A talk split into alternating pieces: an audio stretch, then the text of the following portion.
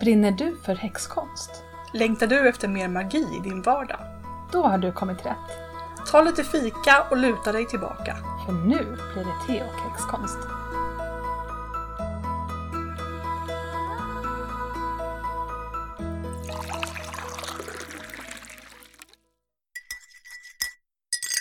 Egentligen skulle vi ha vår, varsin gungstol. Ja.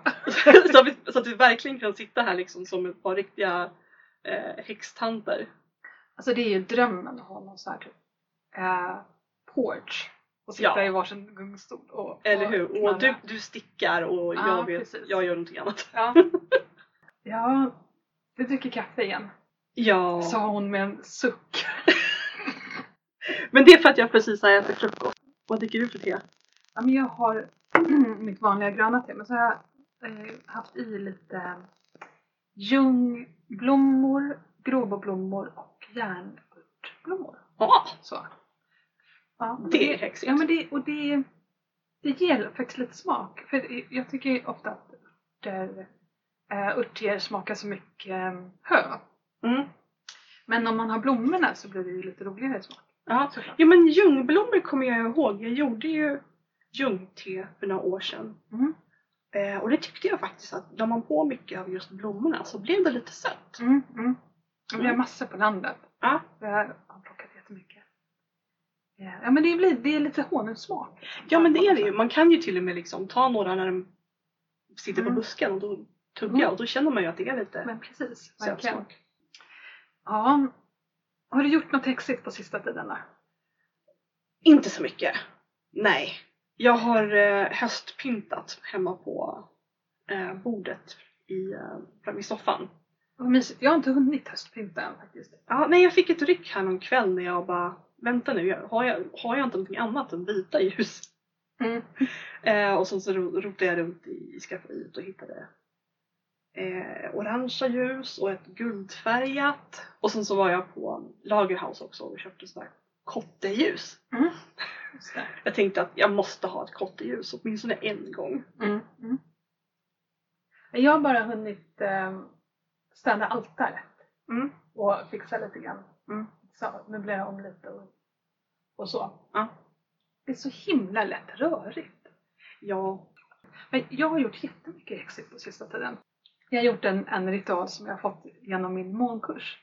Och då skulle man ta 13 stycken snäckskal. Mm. Mm. Och det har jag eftersom jag inte kan låta bli att- plocka saker på stranden i Frankrike. Eh, och så skulle man ha en skål med vatten och så skulle man viska sin intention till vattnet. Mm. Och sen skulle man hälla vattnet i eh, ena snäckskalet och så skulle man hälla det liksom mellan snäckskalen hela tiden tills det kom till det sista. Och så skulle man hälla det sista på huvudet. Mm. Mm. Eh, så jag fyllde en liten flaska med vatten från Sandakällan. Mm. Och, eh, och så gjorde jag det här i 13 dagar och varje dag så tog jag bort ett snä- snäckskal. Så att det Mm. blev liksom, och så ledde det upp till fullmånen. Ja. Sen på fullmånen så tog jag i från tårna. Eh, så. Och, och eh, det har verkligen gett resultat. Mm. Ehm, så det har varit jätte, jättebra. Och det, det är så himla givande att just det här att man sitter en stund varje kväll Ja. ehm, och har det som rutin. Men då har jag använt altaret Mm. mycket mer som ett så här, ett eh, vad brukar vi kalla det för? Arbetsaltare. Ja, precis. Ett arbetsaltare snarare än pryd... Jag, länge så har mitt altare mest varit prydnadsaltare men nu Mm. har det liksom fått mer börjat få funktionen som ett arbetsaltare. Mm. Eh, jag läste också någonstans någon som sa så här. Allt, eller skrev, altaret är din eh, portal till liksom andra sidan. Ja. Och det som du väljer att ha på altaret, det är det som, som ger riktningen på den här Mm. portalen. Mm. Så om du jobbar med förfäder till exempel, då har du liksom foton och, och prylar och grejer så. Mm. Ehm, och då blir det liksom riktningen mot den, eh, den andra sidan. Mm. Ehm, ja, lite sådär. Det var fint tycker jag. Ja, jag läste också om, ehm, vad heter han då? Ehm, som har skrivit om Caridon. Eh, Christopher Hughes. Ja. Nu håller jag på att läsa hans bok om Celtic Magic. Mm. Eh, och där skrev han att eh, kitteln är som en, en liksom, portal till Keriduen. Så. Så nu, jag vet inte om du ser, jag har min kittel. Jag gav dig en sån Ja, just det. Mm. eh, i födelsedagspresent. Jättefin. Eh, så den står på altaret nu. Mm. Mm. Det borde jag också försöka få in på altaret men jag har redan ganska mycket där på. Mm, och så nu har jag på, påbörjat och sen eh, efter fullmånen en ny. Nu Mm. håller jag istället på och bränner saker. För att eh, eftersom ah, jag ska släppa saker då. Ja, jättebra. Ehm, mm. Men jag känner att jag länge har liksom försökt jobba med, full, eller med månen på det här sättet. Ja. Men inte riktigt haft eh, självdisciplinen och sådär. Men, Ja, men det är ju så lätt att man liksom sitter där en vardagskväll och bara Åh, vad trött jag är. ja men precis. Så vill man hellre liksom fika och kolla på TV. Ja, precis. Egentligen. Ja. Oh, men en, en, en häxig sak håller jag faktiskt på med just nu. Mm. Ehm, jag sitter bokstavligt talat här och lagar ett av mina halsband. Jag har ett armband med tigeröga och så har jag ett uh, turmalin halsband. Mm. Och det brukar jag ha på mig under retrograden Mm. för att grunda mig. Mm. Eller vad heter det? Jorda mig heter det väl Mm. snarare. Grunda kan man säga också, tror jag. Låter lite som svengelska. Grunda. Nej, jag vet inte. Ja. Jag tänkte på det där med, med retrograden. Hur kunde ni ha läggat val? Alltså nu vet jag att valdagen är ju liksom helt förutbestämd. Men det är så här, precis innan Merkurius retrograd. Jag tror att Merkurius stod liksom stilla. Mm. Eh, och jag tycker att det är ofta innan som det är eh, blir liksom, är väldigt svajigt i liksom, Mm. kommunikation. Och sen dagen efter en fullmåne. Eller hur? I fiskarna. Och dessutom på 11 september. Man bara Ja, himla bra datum. Ja, nu ska vi inte prata politik för att eh, det kan bli lite... Det var i eh, somras någon gång så var det ett reportage om i, var det DN eller Svenskan? Mm. Om eh, en gudin eller en prästinneutbildning. Och då intervjuade de min gamla religionsvetenskapslärare Mm. eh, David som jag tyckte var jättebra på religionsvetenskapen. David Turfjell. eh, när det är jätteskojigt när han pratar om kristendomen och islam. Mm. När han pratar om gudinnerörelsen så bara, vad är det han säger egentligen? Och, och då pratade han om att det är så här särartsfeministisk, eh, liksom, eller en nyväckt särartsfeminism. Mm. Det här skapade lite upprörda röster. Och jag tycker att det är lite intressant för att det var ju, när vi läste genusvetenskap så var ju det det absolut fulaste man kunde vara. Ja. Särartsfeminist. Ja. Eh, det var nästan som att säga att man var antifeminist. Feminism är den radikala tanken att kvinnor och män är likställda och ska ha samma rättigheter. Det är allt. Och vem kan egentligen inte gå med på det? Ja, och att vara feminist är att man uppfattar att det finns en strukturell ojämlikhet mellan kvinnor och män i samhället. Och Ja. Något bör göras åt det. Precis, ja. Ehm, och det, särartsfeminist betyder alltså att man, att man tycker att eh, kvinnor och män har, eh, är jämställda men att det finns olikheter Ja. från grunden. Alltså, alltså liksom att kvinnor har speciella egenskaper som Ja. är bra Precis. för att precis. de är just är kvinnor. Ja, precis. Ja. Och jag tycker mest att det är roligt att det är så himla fult. Men alltså vi, för häxkonsten är ju ganska särartsfeministisk. Mm.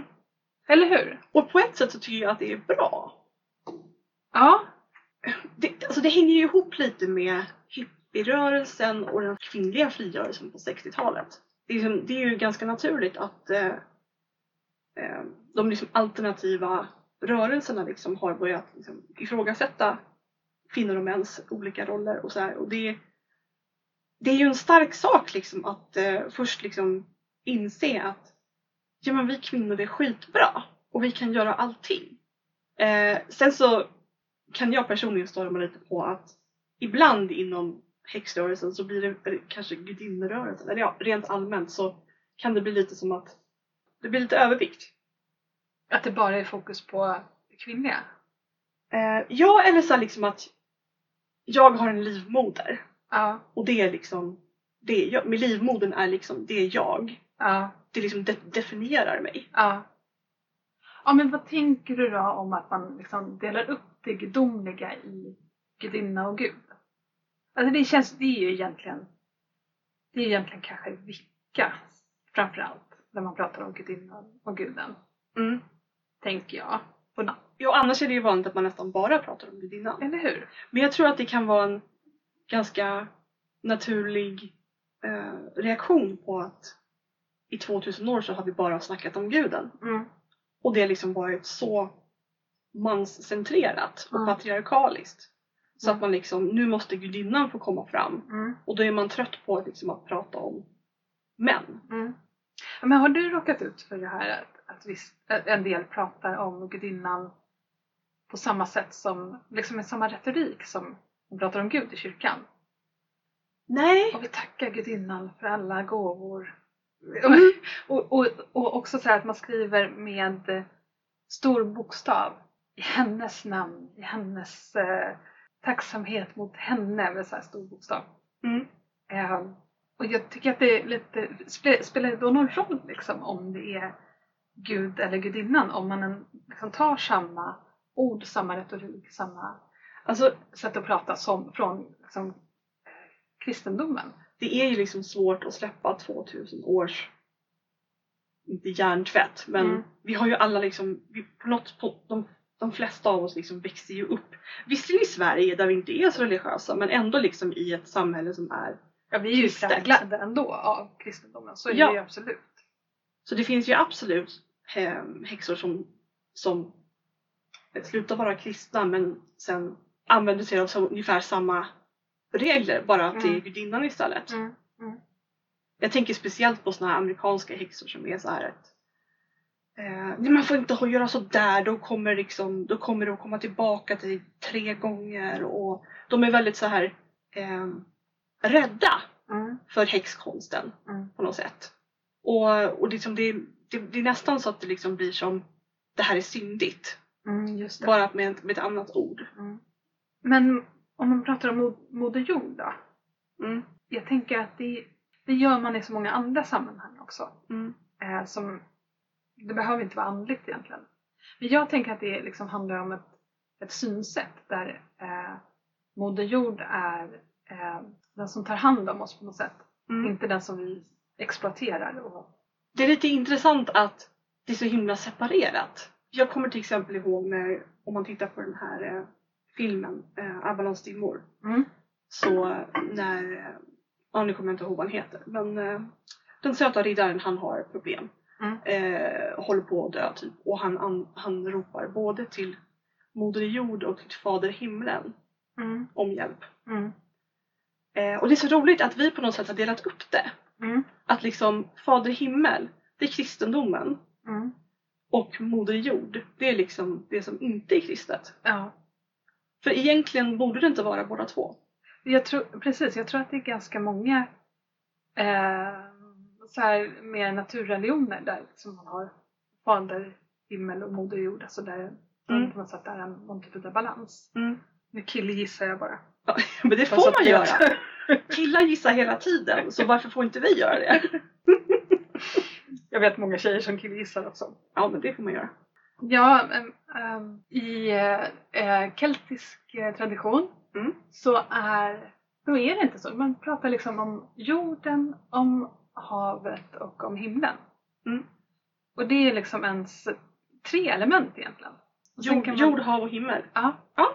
Sen kan man ta in elden också som liksom mitten i cirkeln på något sätt. Men Mm. egentligen har de tre element. Mm. Ja, och, och man könsbestämmer inte. Men jag tycker att det där är lite roligt. Jag gjorde ett inlägg också om, om att jag eh, om det här med att månen är en, en kvinnlig eh, Precis. gestalt. Ja. Och att jag hade eh, jag var så himla säker på att jag hade läst för länge sedan att eh, den fornnordiska månen var kvinnlig och solen var kvinnlig och tyckte att det var så här när jag läste det, jag minns det så himla väl, att jag bara oj, det måste ju vara ovanligt att både månen och solen är kvinnor, alltså kvinnliga Mm. gudinnor. Eh, och sen upptäckte jag att så var det inte utan så vet jag inte vad jag läste där alls Mm. någonstans. Men det är ju roligt att vi måste så här personifiera och eh, eh, ge genus till allting. Mm. Och jag gör det hela tiden. Jag gör det med träden i skogen här. Jag går in i skogen och så, och så sitter jag med ryggen mot ett träd och så känner jag att det här är en, liksom, ett kvinnligt träd eller ett manligt träd och det blir liksom en person. Och, och det är det ju egentligen inte. Det är ju bara min... Eh, för att jag känner ju livet, jag känner anden i den på något sätt. Mm. Eller livet i trädet eller liksom... Eh, det är någonting som min mänskliga hjärna på något sätt inte kan förstå sig på riktigt och därför så gör vi personer utav allting. Ja, man skulle ju kunna säga liksom att ja, men du menar inte liksom kön, du menar så här manlig och kvinnlig energi. Men då är vi ju Ja. också inne på såna här Eller gamla hur? stereotyper. Då vad måste man ju är, fråga, vad är manlig och vad är kvinnlig energi? Precis. Precis. Det är ju precis som med månen då. Ja. Jag vet inte vem det var som kom på det men grekerna 1500-talet, jag vet inte. Ja. Att liksom att solen den var manlig för den skapade sitt eget ljus och, och månen den var kvinnlig. passiv. För den är passiv, den bara reflekterar Mm. någon annans ljus. Mm. Och det var liksom så kvinnliga egenskaper, att vara passiv och sval. Men vet du vad jag annars har förstått? Det är att när, i de mytologier där månen är en man så styr han över kvinnorna. Aha. Medan när han är en kvinna så beskyddar hon kvinnorna. Eh, så det finns också den versionen. Ja. Ja, ja men det där precis. Och det där är ju så himla djupt. För det, när jag tänker efter då så tror jag att när trädet känns som en famn så är det en kvinna. Mm. Eh, och varför har jag liksom den? Det, det sitter ju så himla djupt på något sätt. ja, trygghet skulle ju faktiskt lika gärna kunna vara Ja men visst. en, eh, ett faderligt Ja, träd. precis. När vi startade vår häxcirkel Mm. då var det bara kvinnor, vi var fyra kvinnor Mm. Eh, och att det kändes som, eh, jag tror att det var så för alla fyra, det, var, det fanns ett värde i att vi var bara kvinnor. Mm. Och jag vet inte riktigt varför, jag kan inte riktigt förklara det här. Jag har haft jättemycket killkompisar i mitt liv. Ehm, men, men är man inte särartsfeminist då också? Om man nu tycker liksom att Nej. kvinnocirkel är, Det tycker jag inte. tycker du inte det? För jag tänker så här att kvinnocirklarna, vi, vi pratar ju så här klassiska eh, consciousness raising circles Mm. som de hade under liksom, feminismens framtåg på 60 och 70-talet. Att man, Mm. liksom, man träffades bara kvinnor och man pratade om sina erfarenheter för att kunna lyfta upp varandra. Ja, just det. Och då tänker jag liksom att man kan göra det även om man är en helt vanlig feminist. Ja. För det handlar ju också om balans. Att liksom, har, har vi levt i en tid där man bara har hört talas om mäns berättelser Mm.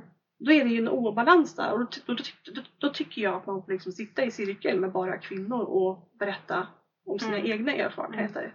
Sen så, alltså, då, kan, då kommer man ju också in på det här liksom, vem, vem är kvinna? Och då tycker jag att är man en, tycker man själv att man är en kvinna så är man välkommen. Mm. Mm. Ja, för det handlar ju om, det handlar inte bara om kroppsdelar. Mm. Eh, vilket det kan göra. Det finns ett värde i att prata om det. Men jag tänker mer cykler, liksom, sådana saker. Mm. Eh, kvin, kvinnans cykler. Men, men det handlar ju också om hur man blir bemött som kvinna. Ja. Och upplever man sig som att man är kvinna då har- man ju också den erfarenheten att bli bemött som kvinna. Och jag menar det finns ju liksom, även om man liksom inte vill säga så här liksom att ja, men kvinnor är bättre för att de är kvinnor. Så alla som uppfattas som kvinnor har ju liksom växt upp i den här världen. Så att man liksom, man har ett visst perspektiv på den. Mm. Eh, det, det ser jag ofta exempel på på internet med män som så här. Jag förstår inte varför är, verkar kvinnor vara rädda för mig när, när, jag liksom, när jag går hem från bussen eller något sånt där. Och de förstår liksom inte att kvinnor de ser, de ser det- hela på ett helt annat sätt. Mm. För mannen ser det bara att jag är på väg hem. För henne säger det oj någon följer efter mig, nu måste jag vara på min vakt. Mm. Så det, det, det finns ju definitivt vissa kvinnliga erfarenheter som, som Mm. män inte förstår. Mm. Vilket inte betyder att de inte kan förstå det. Nej. Mm. Jag tänkte också på det här med eh, kvinnoarvet. Mm. Jo men precis. Alltså, jag, kom, jag pratade med någon på genusvetenskapen Och jag menar, där så lärde vi oss mycket liksom så här med att vad liksom uppfattas som kvinnogöra och vad uppfattas som det sånt kvinnor håller på med och att det liksom nedvärderas. Mm. Eh, men det kanske liksom är dags att uppvärdera det lite. Mm. Jag menar okej, jag vet hur man bakar. Det är väl inget fel på det. Det är också liksom en värdefull kunskap. Mm. Så, det, så istället liksom för att man försöker rata allting som ses som för kvinnligt. Mm. Så ska man liksom, jag tycker man ska omfamna det. Mm. Vi får vara olika. Men det, Mm. det påverkar liksom inte att vi har lika rättigheter. Mm. Inom häxkonsten så är vi väldigt bra på att se vad som är bra med kvinnliga värden. Men också vad som är bra med manliga värden. Eh, och att ifrågasätta det. Mm. Och jag tycker att det får man göra. Bara för att man liksom är feminist och tror på eh, liksom lika rättigheter så be- betyder ju inte det att kvinnor och män är helt lika.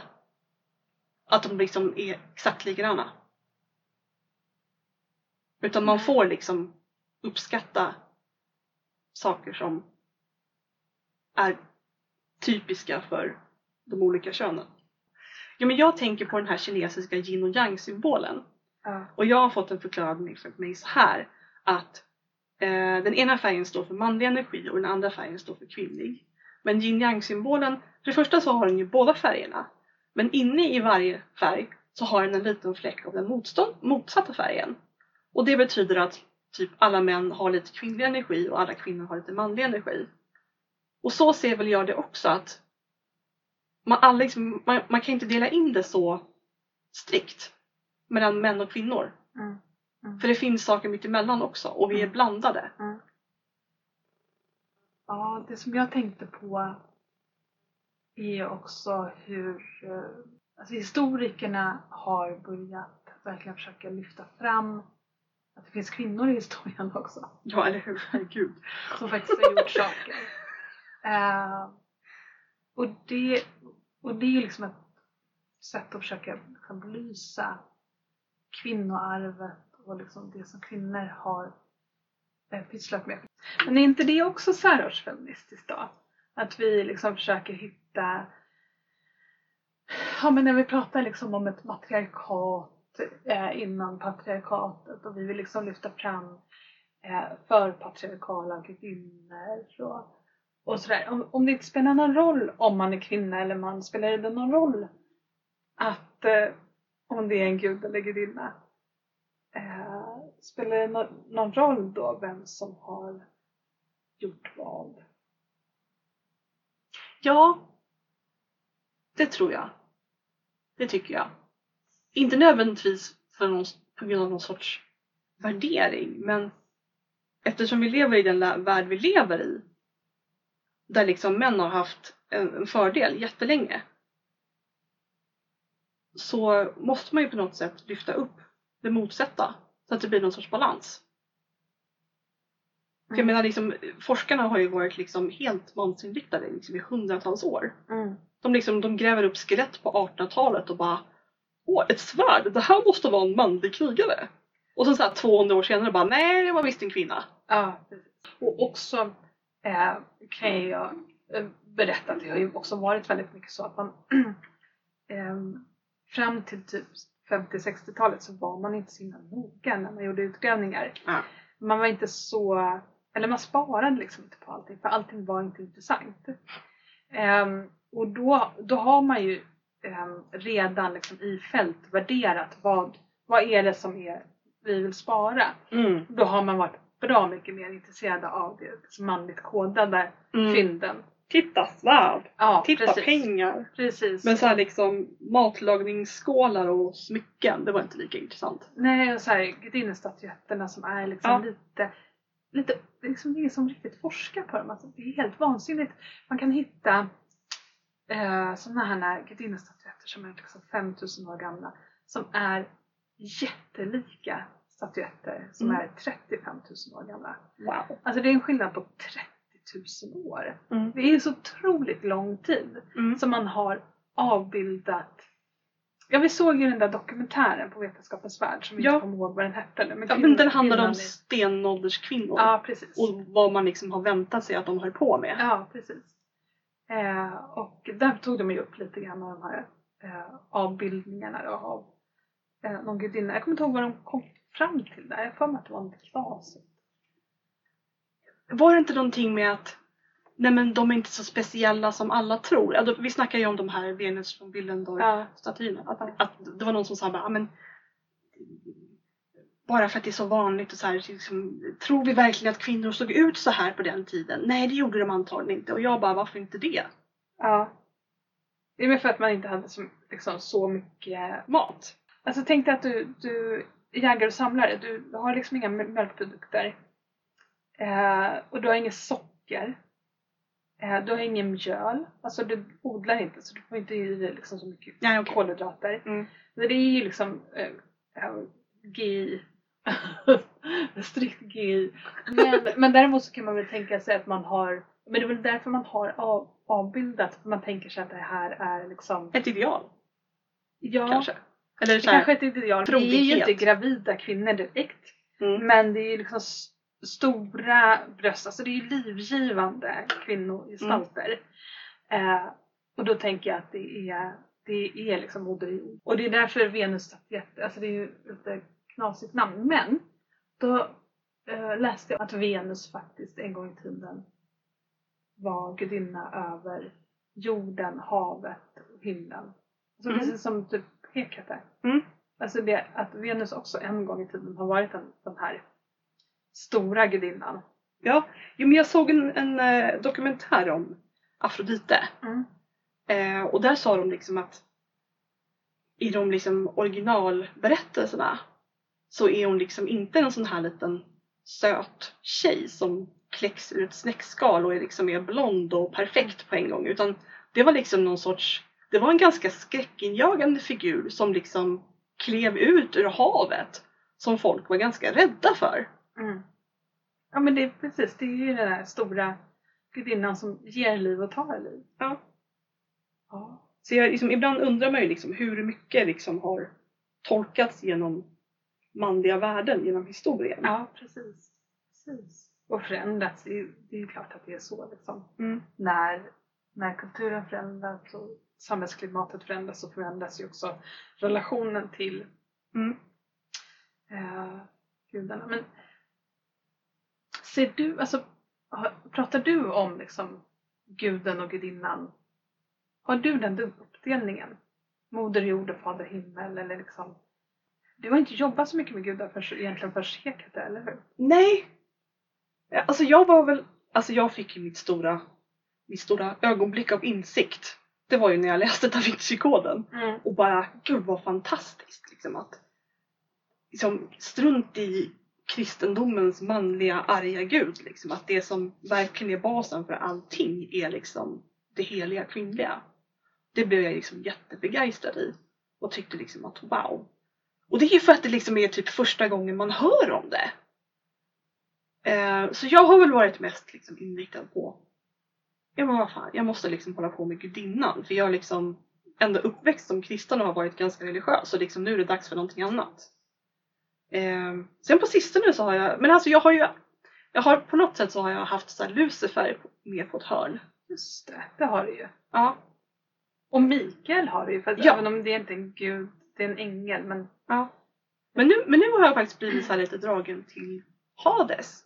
Mm. Och så här undrar liksom om jag ska eh, sätta honom på altaret också eller göra något litet altare till Hades eller något sånt där. okej, så är häxkonsten särartsfeministisk? Den kan vara det. Ja, Men jag tycker inte att den är det i nej, grund och botten. nej, Det finns ju liksom massor med olika inriktningar. ja, Jag kommer ihåg att tidigare i år så kom det ut ett offentligt brev som ett gäng amerikanska Wicca-coven hade skrivit där de typ förkastade allt det här med att eh, transpersoner och eh, att vara så här woke. Och de var liksom så här, men vi tror faktiskt på de här originalprinciperna, punkt slut. Och de blev typ jätteutskällda och jag liksom, jag förstår varför. Så att, och jag tror definitivt, alltså i början av, av Wicca och häxrörelsen så tror jag att det var väldigt så här, liksom, uppdelat. Mm. Visst, man satte kvinnligheten på en, på en väldigt hög plats. Men det var fortfarande så här liksom att lite, lite särartsfeministiskt. Liksom att kvinnor ska vara så här upphöjda och ha visdomen. Och, för alltså just särartsfeminismen, det var ju till exempel på 1800-talet så var det ju där var ju liksom hela rösträttsrörelsen började ju i liksom att kvinnor borde ha rösträtt. För de är lite bättre än män. De är snällare, de, de så här är mer gudfruktiga och dygdiga av naturen. Därför borde de rösta för då skulle världen bli bättre. Och det var ju liksom helt okej, en tanke tydligen, på 1800-talet. Ja, jag försökte på, på en här vintersolståndsceremoni så skulle vi eh, göra en liten amulett av eh, murgröna eh, järnek och eh, mistel. Mm. Eh, tyckte jag. Och, och då vill jag liksom visa hur det här var en så här treenighet på något sätt. Att det liksom eh, misteln är uppe i himlen, eh, murgrönan är nere på jorden och så är järneken mitt emellan och så är det mm, misten misteln har vita bär och eh, järneken har röda bär så att det är liksom misteln skulle då vara det manliga och järneken skulle vara det kvinnliga och murgrönan är det som binder den samman. Och då hade jag en 12-åring där som bara Men om man är icke-binär då? Spände ögonen i mig. Om man är icke-binär då? Ja, Jo, och då, då hade jag ändå haft någon typ av försvarstal innan. Jag bara, ja men det är Ju kritiserats lite grann för att vara liksom så här, göra den här, eh, dela upp i kvinnligt och manligt på det här sättet liksom. Men ja, det var inte så bra liksom försvarstal så hon bara, eh, och det är ju den generationen. De pratar mycket och det är även när jag har visningar på Medeltidsmuseet så är, så är och liksom inte ofta, men det händer ändå att, Mm. att barnen som är då 10, 11, 12 år Mm. frågar mig hur var det om man var icke-binär då på Mm. medeltiden? Så. Men jag menar, det är ju bra. Ja, Det händer ju saker. precis. Det är ju en ny generation verkligen Ja. som bara... Ja, så kan vi inte ha... Eller finns det några icke-binära gudar och gudinnor eller vad? Det finns det säkert. Alltså jag vet ju att inom till exempel eh, urinvånarna i Amerika eh, de tror jag hade flera olika sorters kön. Ja, och precis. liksom andar som var mitt emellan eller annorlunda. Eller... ja. Ja. Ja men precis. Nu vet jag inte så mycket om det men Jo men den där har jag också hört och transpersoner är liksom sågs lite som heliga för att eh, eh, för att de var på något sätt det tredje könet. Men jag också vet jag att eh, vissa arkeologiska forskare att de liksom pratar om att, att man kan ha att man förmodligen hade fler genus, alltså att när kvinnan slutar blöda så blir hon någonting annat och att Mm. ett barn är liksom ytterligare ett genus Mm. eh, och, och sådana saker. det är ju det som är så både roligt och tragiskt att vi kan inte riktigt veta hur folk för, ja men ta 5000 år sedan Mm. när de gjorde sådana där Mm. eh, gudinnestatyetter. Hur, tyck- hur trodde man då? Och Mm. hur uppfattade man Ja. världen, kvinnor och män? Ja, precis. Det, det kan vi liksom inte veta men det skulle vara så intressant att veta. Ja, ja visst. Och de gjorde ju ett försök på det i den där dokumentären. Ja, Men jag tyckte att det var så här roligt. Kommer du ihåg eh, den här, det var liksom an- animerade sekvenser i dokumentären. Mm.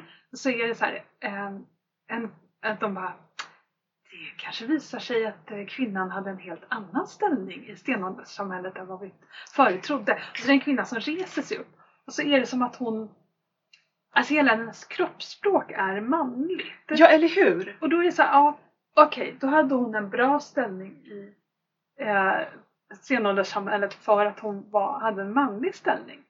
Hmm. Tänkte du på det? Nej, inte riktigt. Nej. Jag tänkte bara att hon såg jävligt häftig ut. Ja. Ja men det gjorde hon ju, men det är ju så roligt att, att då man måste bli man på något sätt för att ha liksom en... Ja, fast det kanske är att, liksom att man... Eller kan det bero på att man uppfattar jägar, jag, jakt något, som någonting som är manligt? Ja. Samtidigt så störde, störde det mig att, de, att det var så himla mycket fokus på att bara, ma- kvinnorna liksom var runt på sina barn och tog hand om barn liksom, hela Ja. tiden. Ja. Eh, så att, jag vet inte riktigt. Jag motsäger mig själv lite grann. Jag tyckte väl kanske att hela den, alltså superbra dokumentär som alla borde titta på, Vetenskapens värld. Jag kommer inte ihåg vad det riktigt hette, men det handlar om stenålderskvinnan. Ehm, och sen var väl några av forskarnas eh, frågeställningar var ju så lite självklara. Lady Sapiens hette den. Ja, men, men också att det var, liksom, det var som att man krystade fram eh, att kvinnor också har varit med och ja- jagat. Kände jag. Det var lite så här, jag har hittat de här. Så det kan ha varit så att hon också jagade. Fast, det- alltså jag tyckte snarare att det var en ganska naturlig slutsats. Att de liksom ifrågasatte den här liksom att jag att männen de sprang ut i skogen och jagade mammutar med spjut och kvinnorna satt hemma liksom och matade barnen. Mm. Så det tyckte jag var bra liksom att bara för att man inte var på jakt så betyder inte det att man inte kunde jaga. Mm. Eller så här, det var ju typ kvinnorna då som då hade ansvaret för att samla ihop mat. För jag menar hur ofta fällde man en mammut? Det kan ju Ja. inte varit så ofta. Ja. Jag tror att jag kanske kände att det här var liksom självklarheter, eller är självklarheter inom det arkeologiska forskningsfältet och att eh, eh, men det är ju saker som inte riktigt når ut för att Mm. eh, eh, populärvetenskapliga böcker skrivs ju fortfarande på det här sättet att det är Mm. liksom kvinnorna sitter hemma och syr typ. Mm. Så. Mm. Men jag har ett hä- häxtips. Mm.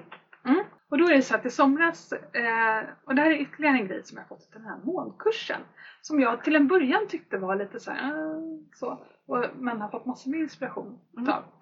Och då var det eh, Glamour Ma- Magic. Mm.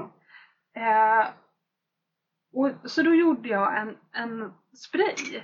Med liksom, jag la, under fullmånen så la jag ner grejer i en, eh, en burk med vatten. Mm. Eh, olika örter, jag skrev någonting på ett papper och la ner också. Jag gjorde ett sigill tror jag också. Mm. Mm. Ehm, och sen lite eteriska oljor. Och så fick det där stå ute under fullmånen. Eh, och sen så hällde jag det i en sprayflaska. Och så använde jag det varje dag. Ehm, och, det, och det är för att, ja men vi har pratat om det här med att jag tycker att jag, eh, jag känner inte igen mig på bilder. Det, är, Okej. det ser Mm. inte ut som jag. Mm. Inte som den jag ser liksom i spegeln. Mm. Och också att jag har haft så här, ja men jag gör det här, jag har den här podden för att jag bara, jag måste lära mig prata. Jag, alltså jag, när vi lyssnar, när vi liksom redigerar podden så bara, det här är inte min röst, jag känner inte igen det. Vem är det som sitter och pratar här så? Och så har det egentligen eh, alltid varit. Ehm, och då tänkte jag så här, men jag vill plocka fram det som, så som jag uppfattar mig själv, det som Mm. jag tycker är jag. Mm. La jag i den här. Ja. Mm. Eh, för att jag vill att jag vill att det ska se ut som jag på fotona. Jag vill att det ska låta som jag när jag pratar och jag vill att den som jag tycker att jag är och den som jag ja, att den ska komma fram. Liksom, Mm. så. Jättefint. Ja, så, så, eh, och det har gått ganska bra tycker jag faktiskt. Mm. Men då tänkte jag, då kom jag på någonstans, har jag läst, att eh, en eh, amulettpåse, att det egentligen ska vara, eller så här amulettknyte, det egentligen ska vara saker som är liksom viktiga för en. Ehm, som har betydelse, kraftföremål typ som man lägger i en påse. Mm. Som blir liksom ens egen, eh, egen kraft och så bär Ja. man med sig Ja. det. Inte så mycket att man liksom har lägger i, ja men nu vill jag eh, få en ny bil och så lägger man in saker i en påse och så, eh, och så blir det trolldom utav det. Utan att det är liksom att jag kommer fram. Det, det tänkte jag som ett häxtips. Att man liksom tar saker som på något sätt representerar Mm. den jag upplever att jag är. Mm. Och så lägger man det i ett knyte Mm. eller en liten tygpåse eller någonting sånt där och så bär man med sig det. Ja. Som att så här, stärka sin självbild Ja, precis. Och, och den som man vill liksom visa upp för världen eller vill vill ska komma fram. Liksom ens eh, innersta. Vackra själ. Ja, precis. det var mitt texttips. Mm.